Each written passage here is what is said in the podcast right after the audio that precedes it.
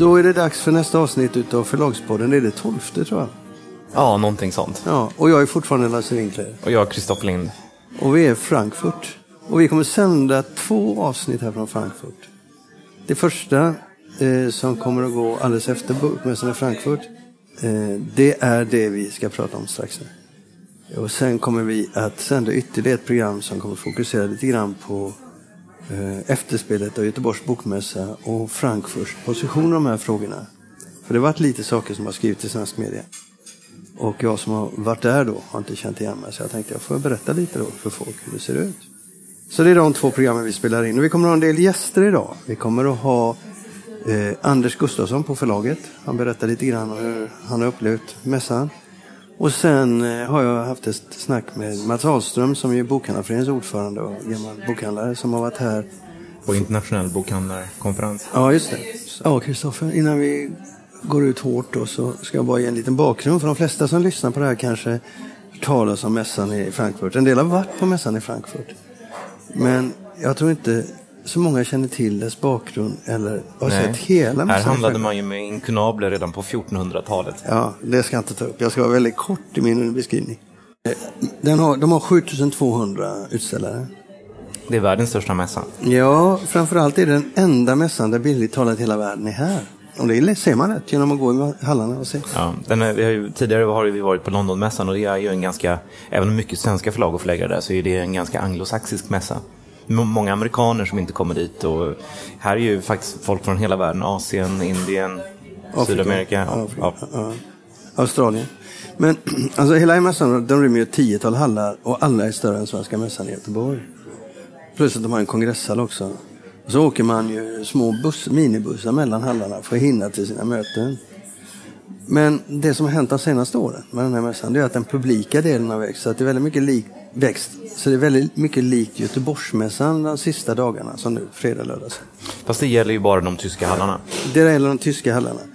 För idag så stängs ju, efter idag så stängs ju den internationella delen ner. Som bara är agentsamtalen. Och det är många tusen Och det, människor. kan, det kan ju vara värt att betona då att de här tyska hallarna vänder sig då till publiken på, på eh, nu, nu under helgen när vi spelar in det här så är det fredagen den 13 va? Shit, det har jag inte tänkt på. Nej, men det, vi klarar oss nog. Men en sak som slår mig eh, och som är viktig att tänka på. Den här mässan är eh, framväxt, framförallt efterkrigstiden, under en kille som heter Peter Whitehouse. En vänsterintellektuell som fick styra mässan. Eh, och eh, eh, leda mässan. Och, och då, under de här åren, 60-70-talen, så skapade de den plattformen som idag gör att de är ohotade. Alltså de åkte runt i världen. För- det första har de alltid stött eh, hotade författare, förtryckta författare, tystade författare. De har alltid agerat mot stater som förtrycker författare. Samtidigt har de lyckats få med sig alla. Ja, de, de hade Kina som, som eh, fokusland och då hade de även bjudit in dissidenter trots kinesiska regeringens protester. Ja, de hade väldigt mycket sånt här det året. Men en, en, en orsak till att de har sånt stöd från hela världen det är att de på den här tiden när det inte fanns utvecklade, och det finns det fortfarande inte i många länder, eh, eh bokbransch, eh, alltså det finns inga tryckerier, det finns inga förlag, det finns inget papper till att trycka böcker, bla bla bla, sånt där va.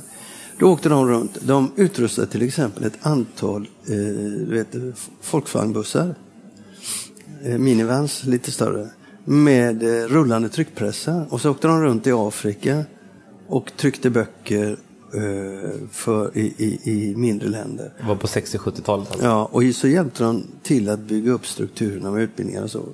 För att skapa de här de möjligheterna. Och, och det har gjort att solidariteten med, med eh, Frankfurt är ju enormt stor. Och de har alltid i handling visat vad de menar de här frågorna. Och det, när, apropå det här att det är dyrt på Göteborgsbokmässan. Så vill ju amerikanarna i skiftet, sekelskiftet ungefär, där, några år efter 2000, år 2000. Så ville ju de eh, bojkotta bokmässan i Frankfurt för att den dels var för dyr och att de inte fick bättre, eh, mer central plats på mässan. Och bakom dem låg ju då Reed Exhibition som drev både. London och, och New York. Men de, de förlorade ju ömkligt. Alltså de stannade hemma ett år och då insåg de att världen gick ju vidare utan oss. Mm. Så de fick komma tillbaka. Och det, var, det, var, eh, det säger något om, om vad det här är för en mässa. Men du, nu ska jag inte mässa längre. Men du, hur har din mässa varit? Ja, det är succé, succé. Varför det? Nej, men, nej, men det, du brukar ju ofta ställa den frågan, och det, det är väl en sån här artighetsfråga man ställer, men det vet man väl aldrig riktigt egentligen, för att på Bokmässan så, man är ju, jag är ju här för att köpa böcker och Um, om, om, man kan ju ha en känsla av att man har hittat mycket bra och spännande saker och sen så kan man ge sig in i budgivningar som man kan vinna eller förlora. Men vad, vad, vad man sen landar i allt detta, det vet man ju faktiskt först efter att böckerna har utkommit. Mm. Men eh, alla mässor inbillar jag mig, även de som är affärsmässiga som, som, bokan, som den här mässan i Frankfurt, är ju också samlingsplatser där man träffar folk. Och något som är väldigt roligt med bokmässan i Frankfurt som då i motsats till Göteborg, är ju att här är en tillfälle för, för mig och mina kollegor att träffa andra kollegor från andra länder. Inte minst då kanske nordiska kollegor. Mm. Man, eh, man träffar dem och man tipsar om böcker, man berättar om framgångar och motgångar och eh, man kan gnälla lite eh, på eh, bokhandlare och allt möjligt. Men, mm. men eh, hur var de här dagarna? För övrigt vill jag bara säga så här, Kristoffer. Mina artighetsfrågor är aldrig artighetsfrågor, de är öppna frågor. För att du själv ska få identifiera. Jo, jo men jag, menar, hur går det på mässan? Det är ju en sån där, har, har du haft en bra mässa? Det är ju en sån där sak som folk säger till varandra. Och det är en ganska, det är en fånig fråga. Det är ungefär som att, ja, jag menar, det är som... Men tänk, tänk. Ja. Det är ingen fånig fråga. Nej, jag vet att du, inte... Vänta, vänta lite. Ja. Du har aldrig svarat eh, eh, meningslöst på den frågan, utan du går alltid igång. Ja. Och det är meningen. Jag vill inte lägga något tryck på dig att du ska till exempel nej, nej, styra ett visst håll. Nej, jag, jag, bara menar, jag, menar verkligen konkret att uh, svaret på den frågan är, jag tycker, kan man ju faktiskt inte riktigt veta. Nej, det är helt om, man inte, om, man inte, om man då inte tänker sig att man, man, man, man gnetar på och man träffar så mycket trevliga människor att det i sig är eine Messe värt. Men vi är ju faktiskt här för att hitta bästsäljare och hitta fantastiska böcker och det är ju inte alltid så lätt att veta. Nej, men det är klart att det inte är. Det är hela branschen är ju så. Ja. Men, men det, så det kommer vi inte att prata ja. om. Men vi kommer att prata om när du säger att du har haft roligt och sett böcker som du är sugen på. Ja, absolut. Men jag har också sett många böcker som jag inte är sugen på. Nej, men det jag tycker faktiskt inte att det har varit ett år som har varit en fantastisk mässa på det sättet. Sen är det, ju, sen är det också så att man, jag, jag har ju en ganska stor, eller vi har ju en ganska stor utgivning. Mm. Eh, vi är tre personer som är här och köper böcker. Och eh, vi har ju, det låter kanske tråkigt när man säger listor som ska fyllas, men vi har ju i någon mening listor som ska fyllas. Och det är många böcker som aldrig är sådana som någon kommer att höra talas om. Böcker som aldrig kommer att bli recenserade, men som ändå har sina läsare. Och det är mycket sånt man hittar här. Det är mycket, mycket brödböcker man hittar här. Så för oss är Frankfurtmässan ganska viktig. Men det är svårt att säga att man har hittat så här fantastiska saker som man går igång på. Mm. Sen är det ju också det där med att mässan är ju det finns ju alltid några titlar som blir stora på bokmässan i Frankfurt. Eh, som det börjar bli budgivning på. Och så där. Vi är rätt sällan med och budar. I år har vi faktiskt gjort det.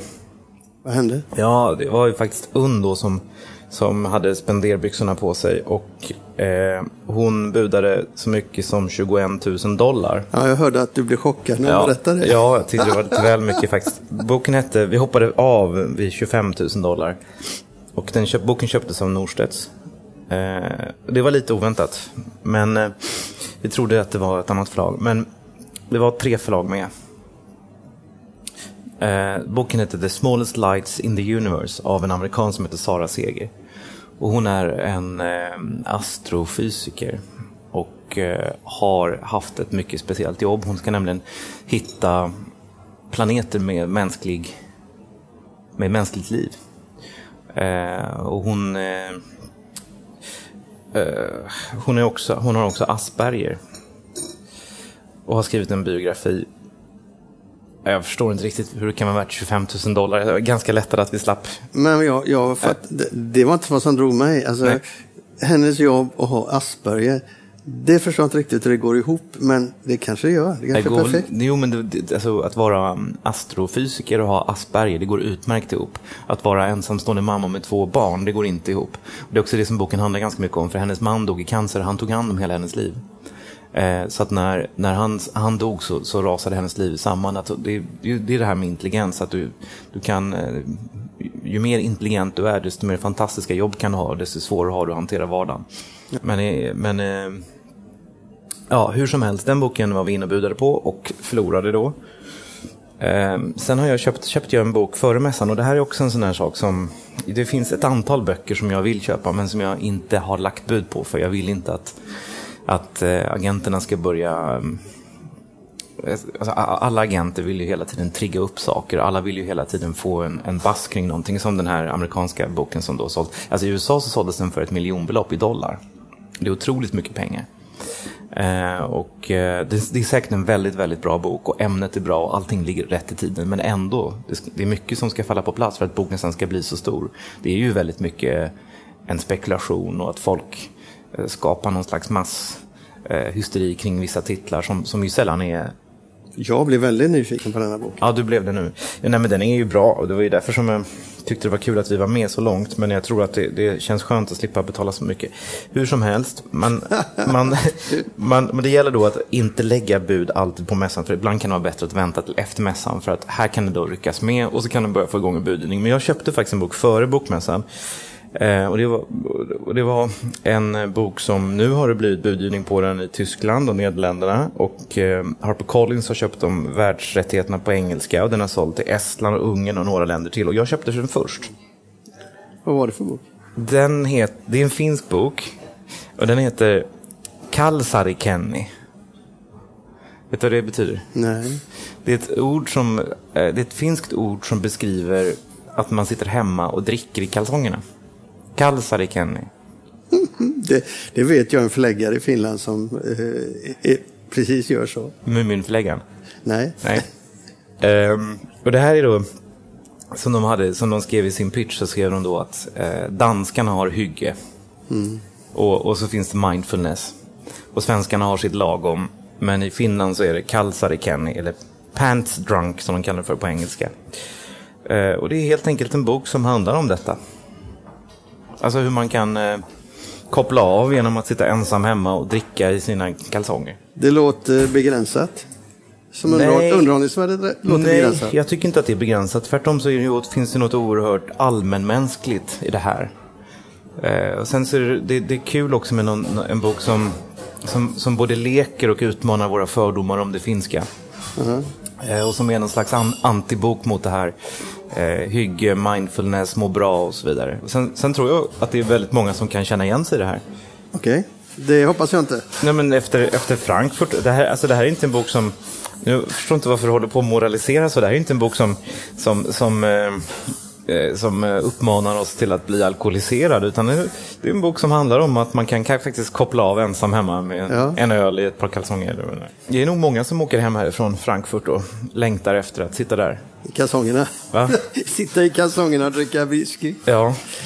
Ja, mm, ja jo, du tror jag är skeptisk. Du tror inte på den? Nej, jag är skeptisk. Nej, det, men alltså jag, jag säger inte om boken. Jag Nej. säger bara om själva handlingen är jag skeptisk till. Men boken kan vara fantastisk. Det ja.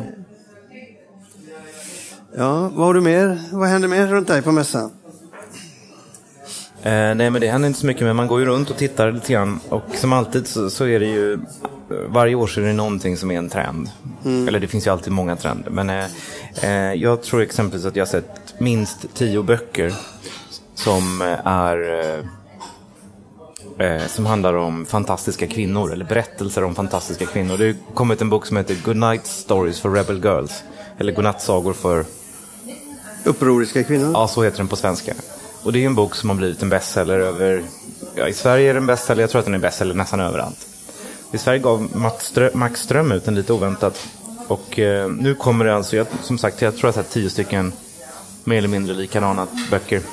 Så när jag säger att jag har sett nästan tio stycken böcker, då har jag sett tio stycken som är nästan exakt likadana. Men sen har jag sett många variationer på samma tema. Mm. Alltså att det har varit eh, på barnboksidan då, att det finns allt från klistermärksböcker med berömda kvinnor till att det är lite mer, lite mer genomtänkta och avancerade texter som kanske handlar om eh, liksom kvinnor som har på något sätt liksom, intellektuella likheter eller kopplingar mellan varandra. Och, alltså, det finns många liksom, aspekter på, på ämnet. Mm.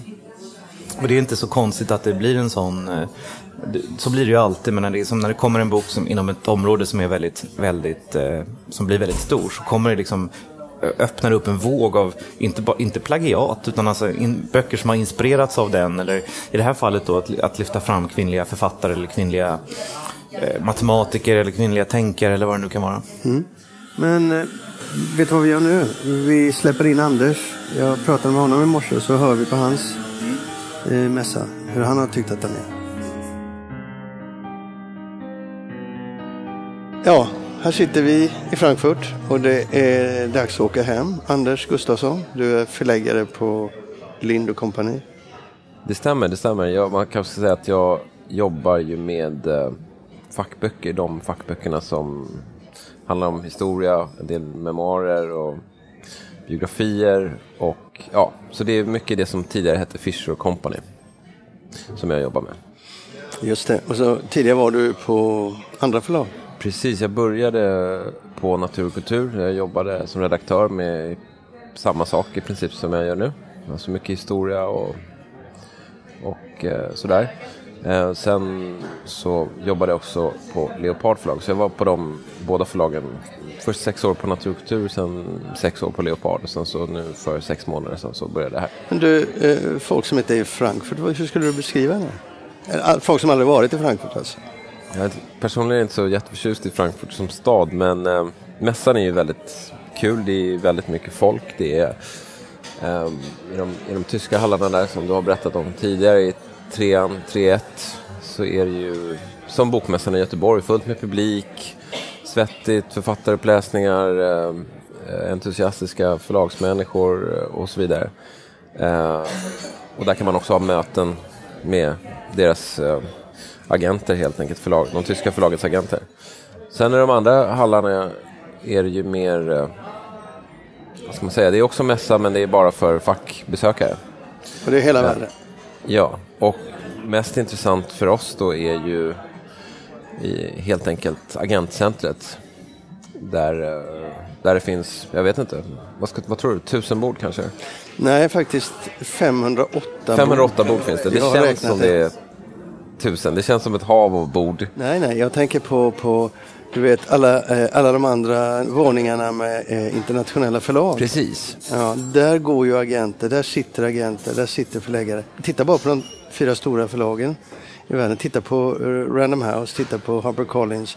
Du ser ju, där sitter ju hundratals bara där bord med... Det är sant och det, det beror också faktiskt om man ska hårdra det lite på vilken typ av böcker som man tittar på. För att om det är massa fyrfärgsillustrerade böcker om eh, som eh, Quarto eller DK till exempel har, då får inte det plats i det där lilla agentcentret. Utan de behöver ju sprida ut sig och kunna hämta provtryck och, eller liksom... Ja. Men Quarto är då en, en förlagsgrupp i England och DK, Doran Kindersley, som är ägt av Penguin Random House. Men du har vandrat eh, ja. här, eh, ut och in i agentcenter och i förlagsbås. Eh, ja, det, det blir många, det blir 15, 15-16 möten på en dag så det, ja, det blir en lucka för lunch på 30 minuter och sen så försöker man bara träffa så många som möjligt helt enkelt. Och det är ju... Man träffar ju inte bara agenter utan man träffar ju också branschkollegor. Man träffar ju folk överallt som man är bekant med och känner till. Så.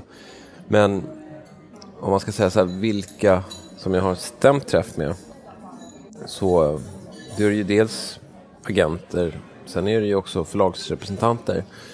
Eh, både sådana som säljer rättigheter eh, på förlagen och eh, kollegor helt enkelt från andra länder. För att se eh, vad gör motsvarande, eller en person som har samma jobb som jag, fast i Norge eller i Holland. Vad tittar de på? Vad har de köpt? För att, och det är ju ingen säljsituation utan det är ju bara mer att man utbyter tips. Eh, och det är väldigt, väldigt kul tycker jag. Att se, mm. höra. För oftast kan man ju se, ja ni har den boken, den har vi också. Och, den är sådär. och så kan man plocka upp saker på det sättet. Mm. Men hur är det egentligen? Jag menar, du har ditt egen intresse, eh, din nyfikenhet, eh, vad du gillar. Det stämmer överens med förlaget ibland, men det stämmer ju inte alltid med förlaget. för Du kan hitta böcker som du kan älska vid första eh, anblicken, men så inser du att det går inte att sälja i Sverige. Hur ofta, så kan det vara. Hur så, ofta händer det? Men det händer ja, ganska ofta faktiskt. Inte, inte liksom dagligen, men det är ju, säg att det är kanske fem gånger om året i alla fall. Som man ser något så här som man, så här, det här skulle vara fantastiskt, men det här är helt fullständigt omöjligt. Som ändå är görbart. Sen finns det massa saker som är, inte är görbara. Liksom, massa... Och vad, vad, vad är in, varför är det inte görbart då? Det kan handla om att det, låt oss säga att en fantastisk eh, illustrerad bok om eh, världens vackraste bibliotek eller något sånt där. Eh, på 400 sidor. Som skulle vara enormt dyr att trycka och den skulle nå en ytterst begränsad läsekrets. Liksom. Men det kan ju också handla om, om, en, om en textbaserad bok som är för brittisk eller amerikansk men som ändå är fantastisk. Liksom. Reportagebok eller vad som helst. Som, som, är inte, som, som inte kan låta sig flyttas över till, till Sverige helt enkelt på det sättet. För mig är det så här när jag ser de här böckerna, jag ser mycket sådana böcker, jag tänker det här, det här är viktigt att den finns för andra människor i Sverige för det påverkar det kulturella klimatet eller eh, kunskapsnivån eller debatten. Om vi ska vara liksom ett samhälle för samtiden så att säga. Eh, för, för i vissa länder med större befolkningar och större utbud så har man ju eh, otroliga mängder med intressant material. Och jag kan bara sörja det att väldigt mycket inte så att säga, kommer till Sverige. Men så är det. Men sen är det ju också så att en annan sak som man såklart kan göra och som förlag gör hela tiden det är ju att man eh, går runt här och har de här mötena och, och de eh, säljer in de här olika projekten som oftast är ju böcker som kommer 2018 eller 2019 eller så, kanske två till tre år framåt i tiden. De, de bara liksom flaggar för att de här författarna är igång. Eh, det finns ett, ett litet förslag nu på kanske 15 sidor. Eh, men de vill liksom bara sondera förstahandsintresset. Nu kanske inte jättevanligt att man hugger direkt när det gäller en bok om ja, inom historia till exempel. Just på sådana material. Men det är ändå spännande att se vad som är på gång. Så. Och nu, eh, jo, det jag skulle säga var ju att man kan ju också, om man tycker då att den här boken om världens bibliotek är en fullständigt briljant bokidé, eh, så kan man ju kopiera den.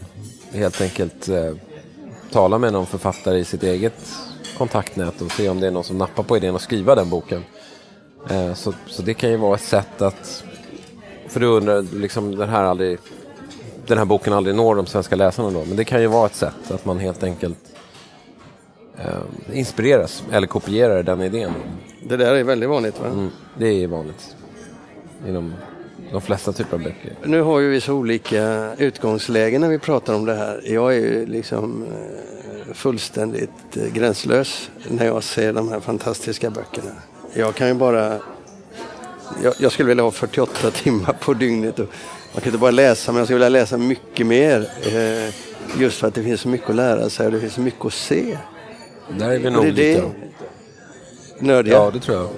Ja. Men jag, jag tänker på det när man går här, varför, varför jag gillar Frankfurt. Varför det är så god stämning i Frankfurt. Därför att här är alla människor som tycker likadant. Och alla bejakar boken och alla är, eh, är eh, helt... eh, Alltså det är en värld man är i som är en ynnest att få vara i. Är det inte Jo, det? det är det. Det är ju jättespeciellt. Nu ser ju du säkert en mer... Eh, Jag menar, du går på seminarier och, och liksom eh, och känner in stämningen i olika eh, hallar och så vidare. Jag springer mest runt och, och träffar försäljare egentligen. De flesta, allra flesta. Och då, då blir man ju ständigt påmind om att liksom... Eh, eh, ja, även om alla som är där gillar böcker så är det ju också business. Det är ju, vi är ju där för att göra affärer och det är ju den som man möter också. Uh, så att det, jag, vet, jag, känner, jag känner inte riktigt igen det där utan det är ju mer att man letar Alltså det är klart att man kan bli kär i någonting som du säger eller liksom verkligen så här fångas av något vackert eller intressant eller spännande eller liksom så. Men uh, oftast kokar det ner till det där att hur kan det här bidra till, till förlaget? Och, skulle man, om, om det är någonting som är lite utanför det normala så skulle det vara liksom, kan det passa in? Skulle vi kunna göra det här? Skulle vi kunna göra det bra? Eh, och sådär. Eh, så det är mycket de tankarna. Vad- Men berätta, hur har de här dagarna varit? Något intressant att berätta? Eh, Jag måste bara berätta apropå det. Jag hörde, eh, pratade med en agent på Copenhagen Literary Agency som heter Monica Gram. Och hon har jobbat i många år. Vi satt en middag häromdagen så berättade hon om det året då de hade en bok som hette Havsboken. Shark Ja, just det. och eh, författaren Den hette norska. Morten Ströksnäs. Eh, Och det var, ju, det var ju på mitt gamla förlag Leopard. Jag köpte inte den boken för jag var föräldraledig då. Men jag har jobbat med honom, hans första bok. Eh, Men hur som helst. ehm, Hon berättade hur, hur det kändes när hon förstod att det är vi som har mässboken.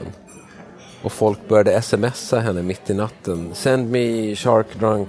Eh, och sådär. Och fick konstiga, från, från konstiga nummer över eh, från hela Europa. Och eh, så då sa hon, det var verkligen, hon var verkligen i stormens ögon. Jag tyckte det var en kul historia liksom om, om det här med fenomenet. Så ja, Ströksnäs är en kvalificerad författare. Duktig journalist och reporter och sådär. Så att, eh, ja, men kul. Det var Ja, det någonting med ämnet och det, var, det kanske för oss in på nästa grej. Det var ju som Eh, han skrev ju en bok om jakten på den här eh, gigantiska eh, hajen. Och det är någonting där med människa och natur eh, som, som är väldigt, väldigt stort här. Eh, och som är en, som håller i sig som en stort trend. Det kan vara korna. Det kan vara, jag har hört talas om eh, böcker om gäss, gäss, gässens själsliv. Eh, eh, och eh, det, har varit, det är böcker om vargar, det är böcker om öring, lax. Det är ja, en hel massa sådana här ja, svampar har vi också haft ganska nyligen. Eh, ofta i kombination med en personlig berättelse.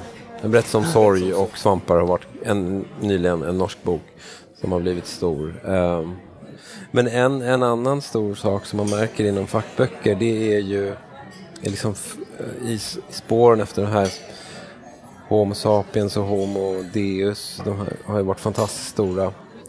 Eh, och man ser ju väldigt många böcker om liksom eh, hur, hur startade, vår- hur, hur började vår civilisation och så vidare. Hur sådana här jättebreda grepp om sådana här liksom existentiella frågor kan man säga.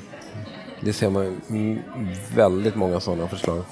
Mm för mig i alla fall, jag vet inte hur det är för andra, men det är ju väldigt sällan man liksom eh, sitter på de här mötena och ramlar av stolen för att det är saker som man aldrig någonsin har hört talas om. Utan, eh, däremot så kan man ju luska och få veta mer om projekt som man är väldigt, väldigt intresserad av. Eh, och det är ju kanske inte så klokt att eh, ge eh, agenten den presenten att lägga ett bud just de här dagarna. För då kan ju de bara springa eh, och hitta nästa person från ett svenskt förlag och, och trissa upp det. Och, det, och det, är ju, det är ju liksom spelets regler. Så det är ju inget konstigt att det är så. Men eh, eh, man behöver ju inte lämna sina, lägga ett bud på någonting här. Utan det kan man ju göra på måndag morgon eller så. Ja. Så det är nog, finns ju naturligtvis ett antal böcker som, som jag har kikat på och läst bitar av och är väldigt, väldigt intresserad av. Ehm, så är det, självklart. Men hur har mässan varit? Om vi slutar på den, eh, den frågan. Det har varit väldigt roligt tycker jag. Det är, ibland hör man att människor säger att det, det är så jobbigt och så. Det är klart att det är stressigt och eh, man är liksom lite, man är liksom lite hög puls och så här. Men det är väldigt, väldigt kul. Det är fantastiskt och jag, jag, jag känner inte liksom den här att man misströstar utan det är ju bara liksom jag tycker man känner sig väldigt, väldigt liten däremot. Väldigt många gånger när man går i de här hallarna och ser liksom hur gigantisk vår bransch är i, i andra språkområden. Som, som är, vårt är ju så himla litet, det svenska. Så när man ser till exempel den engelskspråkiga, vilken enorm utgivning och enormt många människor som, som finns i eh, förlag, agenturer och så vidare. Så känner man sig som en väldigt liten människa. Som man är också. Men det är, det är ändå, det, den känslan eh, tycker jag eh, blir väldigt stark när man går runt i såna här gigantiska montrar.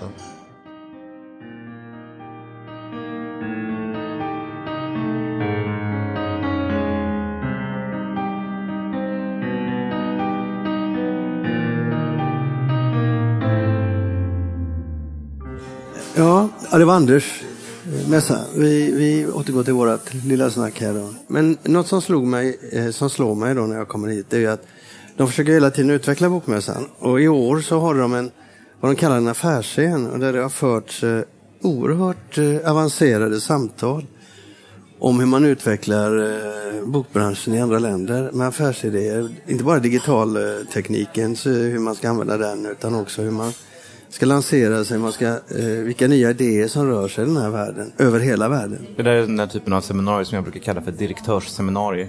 Sån, sån, Ja. det, det är bara sånt som eh, CFOs går på. Nej, det är nog inte Nej, det. du går också. Ja, jag går också. Men eh, det är nog rätt många som går på de där, men det är i den, i, i den eh, Mm. stratosfären kan man säga då. Var det något intressant där i år? Ja, eh, jag kom ju inte in där då. Va? Jag kom inte in där för man, det kostar pengar då. Okej, jag kan- Förlagspodden har inte råd. Nej, förlagspodden kan jag inte lägga tusenlappar för jag ska in på två seminarier. Nej, men jag har en udda, udda, en udda ins, ett instick här från en taxichaufför som, eh, en ganska sur taxichaufför som skjutsade mig igår. Eh, han sa att eh, bokmässan är den absolut sämsta bokmässan för taxichaufförer. Varför det? Jag tyckte det var väldigt konstigt eftersom bokmässan är en av de största mässorna i, eh, i Frankfurt som jag har förstått det.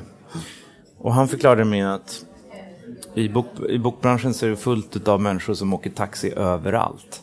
Så att folk åker taxi bara 500 meter så att han sa att vi får liksom inte någon, vi får ingen omsättning, vi får bara jobb. Och han tyckte själv att jag åkte alldeles för, för kort sträcka. Så han kan stå där. Nej, men jag, jag har ju haft en stukad fot eftersom jag har ramlat av en golfbil. Men eh, jag, jag försökte förklara... Kristoffer, Kristoffer, ibland blir det för mycket information. Ja, ja, men jag, jag, ville bara veta, jag ville bara förklara att jag har inte eh, stukat foten på grund av att jag var full. Det var ingen kall Sariken inblandad. Nej, okej. Men medan du vårdar den foten nu då, det här är en väldigt snygg övergång. Mm. Medan du vårdar den foten så ska jag klippa in mitt samtal med, Mats Ahlström som Mm. jag också gjorde här i, igår faktiskt. Det, det sticker ut lite, det är inte riktigt som i, i podden normalt.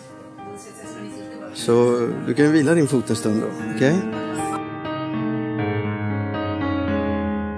Här är jag på bokmässan i eh, Frankfurt.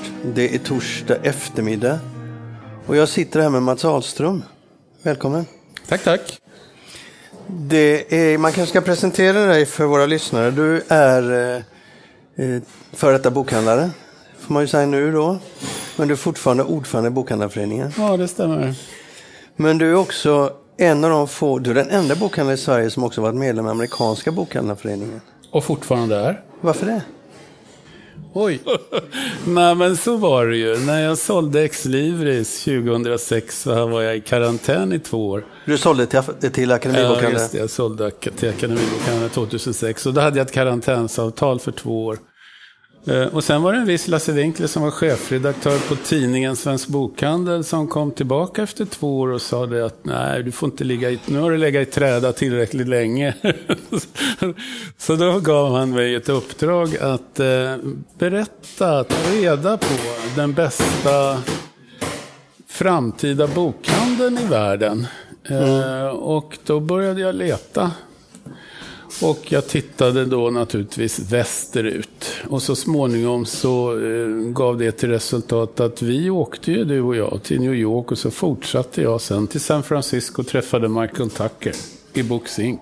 Just det. För att där tyckte jag att det fanns någonting som var speciellt. Och så upptäckte jag att han var en, eh, en frände i sättet att driva bokhandel. Okej. Eh, och sen så blev det ju så att han samtidigt var den in, incoming eh, ABA president. Och så berättade han om Winter Institute och då kände jag att ja, men dit ska man ju åka. Eh, så då frågade jag om jag fick bli medlem, för om som medlem så kunde man ju åka. Så då blev jag medlem i amerikanska bokhandlarföreningen och sen dess har jag åkt på deras Winter Institute som är deras utbildningsdagar. 500 bokhandlare som träffas på olika ställen i eh, USA har tre fantastiska konferensdagar. Massor med författare som presenterar sina kommande böcker. Eh, och Bookstore Tour och så har man blivit vänner med, personliga vänner både med Michael och Men där, ljudet vi hör i bakgrunden det är alltså ljudtekniker som lastar sin eh, utrustning. Och då skiter i våran inspelning. Ja. Snyggt. Men du, nu, och, och det har du gjort i många år och där har du oerhört mycket idéer som du Ja. har fört fram. Jag tar jättemånga idéer därifrån som jag plockar till min egen bokhandel och till eh, Bokhandlarföreningen och JB-gruppen. Där är jag lite trendspanare sådär åt dem. Ja, JB-gruppen är alltså en, en, en eh, grupp av bokhandlare i Sverige. Men samtidigt så är, sitter du som representant för den svenska bokhandlarföreningen i den internationella bokhandlarföreningen, eller den europeiska bokhandlarföreningen, som är helt Jag internationell. blev eh, Bokhandlarföreningens utrikesminister efter Lars-Erik Linder. Och det är väl eh, fem, sex år sedan. Ja, men jag Så- gillar de här kontakterna med att hur gör de där borta och, och vad kan vi lära av det? Men nu är du här. Det Ja, är, du, nu är nu jag är du här. här i Frankfurt Ja. och det är därför du, du är här på det internationella mötet för bokhandlare. Jag är, igen, det finns ingen anledning, tycker jag, för en bokhandlare att åka till Frankfurt. Det här är ju rättigheter. Men vi organiserar samtidigt en konferens, alltså vi, Europeiska bokhandlarföreningen, Europeiska och internationella bokhandlarföreningen, en konferens för bokhandlare. Eh, när vi ändå har bokhandlare här vid Frankfurt. Och det är en heldagskonferens och den har varit idag. Ja, jag, jag tog det precis när den var slut, så tänkte Ja. jag att du skulle berätta för mig Eh, det mest intressanta, det nya, det spännande. Ja, det var en programpunkt, en presentation som var intressant och den på något vis representerar vad jag tror är framtidens bokhandel. Och det var den nytillträdde ehm, franska medlemmen i bokhandlar Executive Committee, han som är ordförande i Booksellers Association i, i Frankrike. Han jobbar alltså med en bokhandelskedja, det är väl 6-7 butiker i norra Frankrike, Lille, Dunkerque och så. Och de hade blandat in sina kunder i verksamheten på det viset att de hade bett ett antal kunder, säg att det är tio stycken eller så, att läsa och utnämna sina favoriter. Och sen så jobbade de då utifrån dessa med rekommendationer till andra kunder. Jag säger bara att jag tycker att det här personliga anslaget är viktigt och det är det som skiljer fysisk bokhandel från näthandel. Vi måste liksom använda det faktum att när man kommer in till oss så möter man människor. Det fanns väl några områden där det slog till lite grann som vi kände att vi måste prata om. Och det är, jag har väl alltid betraktat biblioteken som våra vänner och kollegor, men det finns en, en framväxande syn hos biblioteken om att allting ska vara gratis. Eh, E-lending ska vara gratis. Och det där slår naturligtvis mot kanske de stora kedjorna, att man kan låna e-böcker till så att säga, priset noll när man samtidigt ska betala någonting för den när man ska köpa den. Och, och det kommer inte fungera i längden. Och vi tror väl kanske också att eh, biblioteken kanske gräver sin egen grav genom att bete sig på det viset. För att det kommer ju att minska footfall som det heter, alltså kundflödet till biblioteken. Varför ska man gå till ett bibliotek och, och låna en, en bok och, om man kan sitta hemma och låna den? Eh, Då behöver man ju bara en enda stor webbsajt. Och det kanske inte, biblioteken har en större roll som community-samlingsplats än att liksom, eh, det, nej, det, det blir inget bra. Än att vara en databas. Ja, precis så. Eh, JB hade jag i måndags och tisdags. Där jag har varit trendspanare åt dem. Man tittar på det stora detaljhandelsskiftet. Vad kommer det att innebära för bokhandeln? Ska jag dra bakgrunden till detaljhandelsskiftet? Jo, HI och eh, Svensk Handel har presenterat en stor rapport i början av året. Jonas Arnberg. Den Eh, hade vi ju i ett tidigare avsnitt av Förlagspodden. Och då blev du lite irriterad på mig. Ja, därför att du var så negativ eh, då, tyckte jag. Det är ju så här att, att de konstaterar att sällanköpshandeln och handeln totalt sett kommer att eh, eh, skifta kanal väldigt mycket ifrån butik till onlineförsäljning. Och då kan man säga att vi ligger ju först i bokhandeln. Vi gjorde ju det redan under eh, slutet på 90 och början på 2000-talet. Så att vi har ju redan varit utsatta för det här. Men nu pågår ju ett andra steg i det här skiftet som började någon gång i november förra året. Där vi tappar en del marknad. Eh, Men framförallt så får man väl konstatera det att om de andra tappar eh, försäljning, de andra sällanköpsvarorna, då kommer det ju att bli en urholkning av många köpcentra där det ligger en bokhandel idag. Mm. Och det eh, gör ju att kundunderlaget försvinner ju. Så att man ska nog tänka efter i framtiden hur man är lokaliserad. Jag har fått Eh, eftersom som medlemskapet i amerikanska bokhandlarföreningen en, en liten eh, förfrågan. Det riktar sig inte till mig utan till alla amerikanare om hur ser de på den här framtiden? Därför att eh, Barnes Nobles går ju ur många, många måls i USA. Och då är frågan, drabbar det independent-bokhandeln också? I USA är det lite skillnad därför att hyreskontrakten ligger på 20 och 30 år. Så att de kan sitta väldigt fast. I svenska så är ju oftast hyreskontrakten på ett par, tre år maximalt. Då blir det lättare att omlokalisera, skulle detta behövas. Mm. Men det, det, där är intressant. Eh, vi kan eh, prata lite om det därför att vi har ju varit genom åren så, så har ju liksom sanningarna förändrat sig och de sanningarna styr lite grann vad man gör. En gång sa man att, att bokhandeln skulle vara en destinationsbokhandel. Den behövde inte ligga på någon speciell... Ja, jo, men du har rätt. A minus B plus-läge. Det var ju så Citybokhandeln, Mäster Samuelsgatan hamnade det där den gjorde.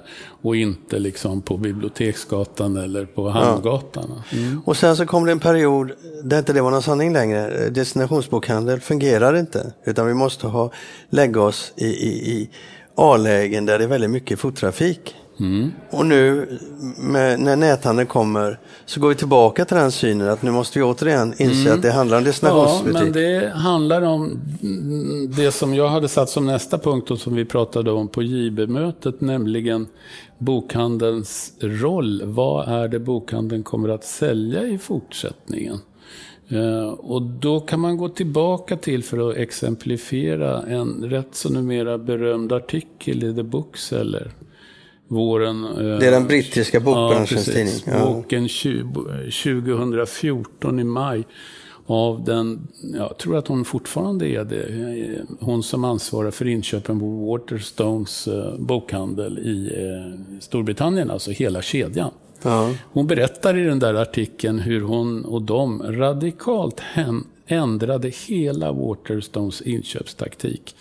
Eh, från att ha eh, köpt in volymer och staplat upp i butik på det som förlagen ville ha in i den butiken. Ja. Eh, och sen försökt att sälja ut det på eh, låga, pris. låga, priser och det som inte gick till höga returer. Så bytte man över en period på ett halvår eller så helt taktik. Man, man, man intervjuade alla sina boklådor.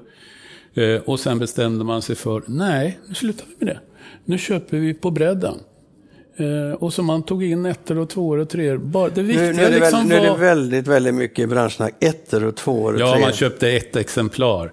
Eh, istället för att köpa 13 eller 14 eller någonting sånt där som förlagen ville att man ska köpa från början. Och man bytte hela den här taktiken och köpte brett. Och det gjorde man inte bara i de stora på butiken på liksom, eh, Piccadilly Circus. Utan mm. man gjorde det över hela landet. Och man kombinerade detta med att uppgradera sina IT-system och logistik. Så att när man såg att vissa titlar började sälja, då la man väldigt snabbt omköpsorder för att se till att butikerna fylldes på av just de titlarna som var säljare.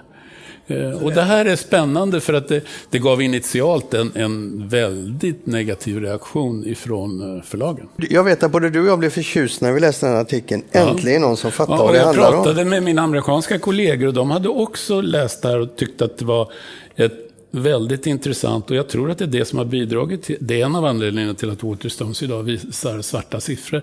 Och i Sverige är det inte så att alla förlag beter sig fortfarande på det här viset. Jag vet ju då att Bonnier för är det ett par, tre år sedan i, i princip gav upp den här tanken och i, pratar villkor på faktisk, faktiska sålda böcker ut ur butik. Och det är ju dit man måste komma.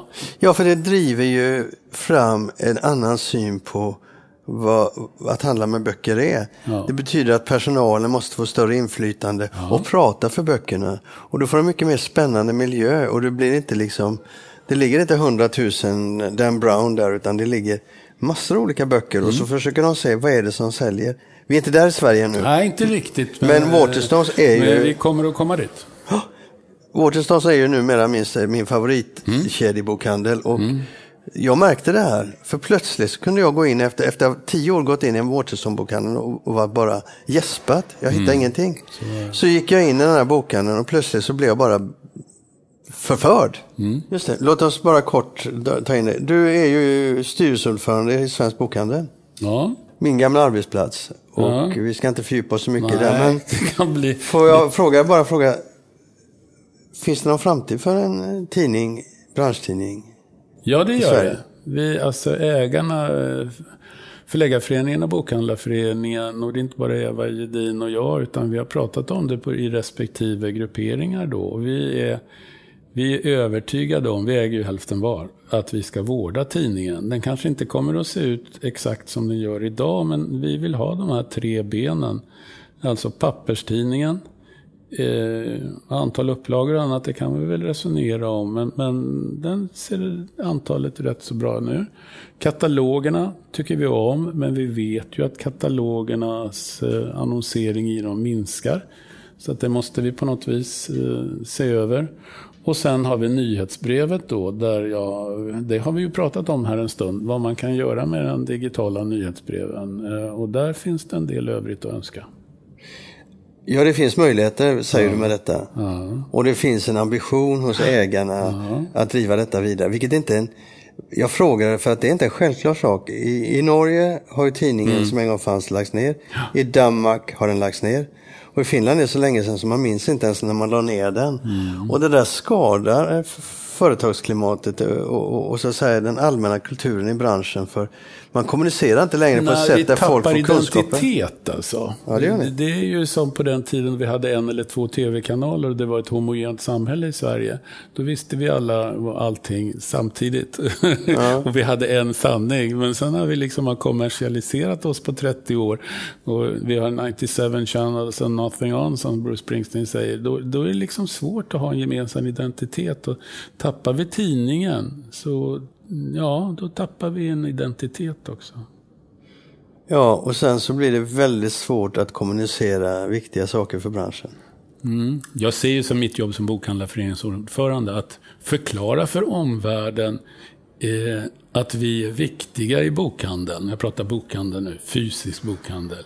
Och att det går bra och att det faktiskt finns en framtid. Eh, och den tredje delen, inte minst för banker och annat, som, som tycker att det där är någonting gammalt och pappersboken och så. Men det går bra. Det går bra i de flesta fripolisländerna. Det går bra i USA, lite jobbigare i England, men av andra orsaker, business rates. Det går skapligt i Sverige. Ja, okej Mats. Eh, tack för den här pratstunden. Nu vet jag att du ska gå vidare. Det är ju så här i Frankfurt. Hela tiden, är man inte på, ute på, eh, i de olika hallarna så ska man träffa folk. Och det är snabba byten. Både för dig och mig. Så är det. Tack för det. Tack ska du ha. Hej då. Hej då.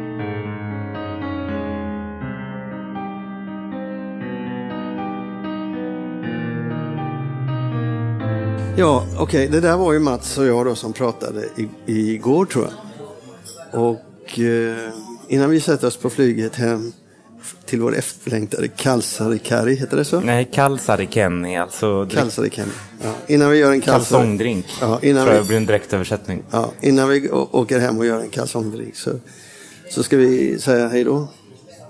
Vi kommer i och för sig att eh, nästa vecka också vara tillbaka i, i, i Frankfurt. Men det, här avsnittet är slut och eh, vi hörs igen. Hej då säger jag, Lasse Winkler. Auf Wiedersehen. Det var imponerande.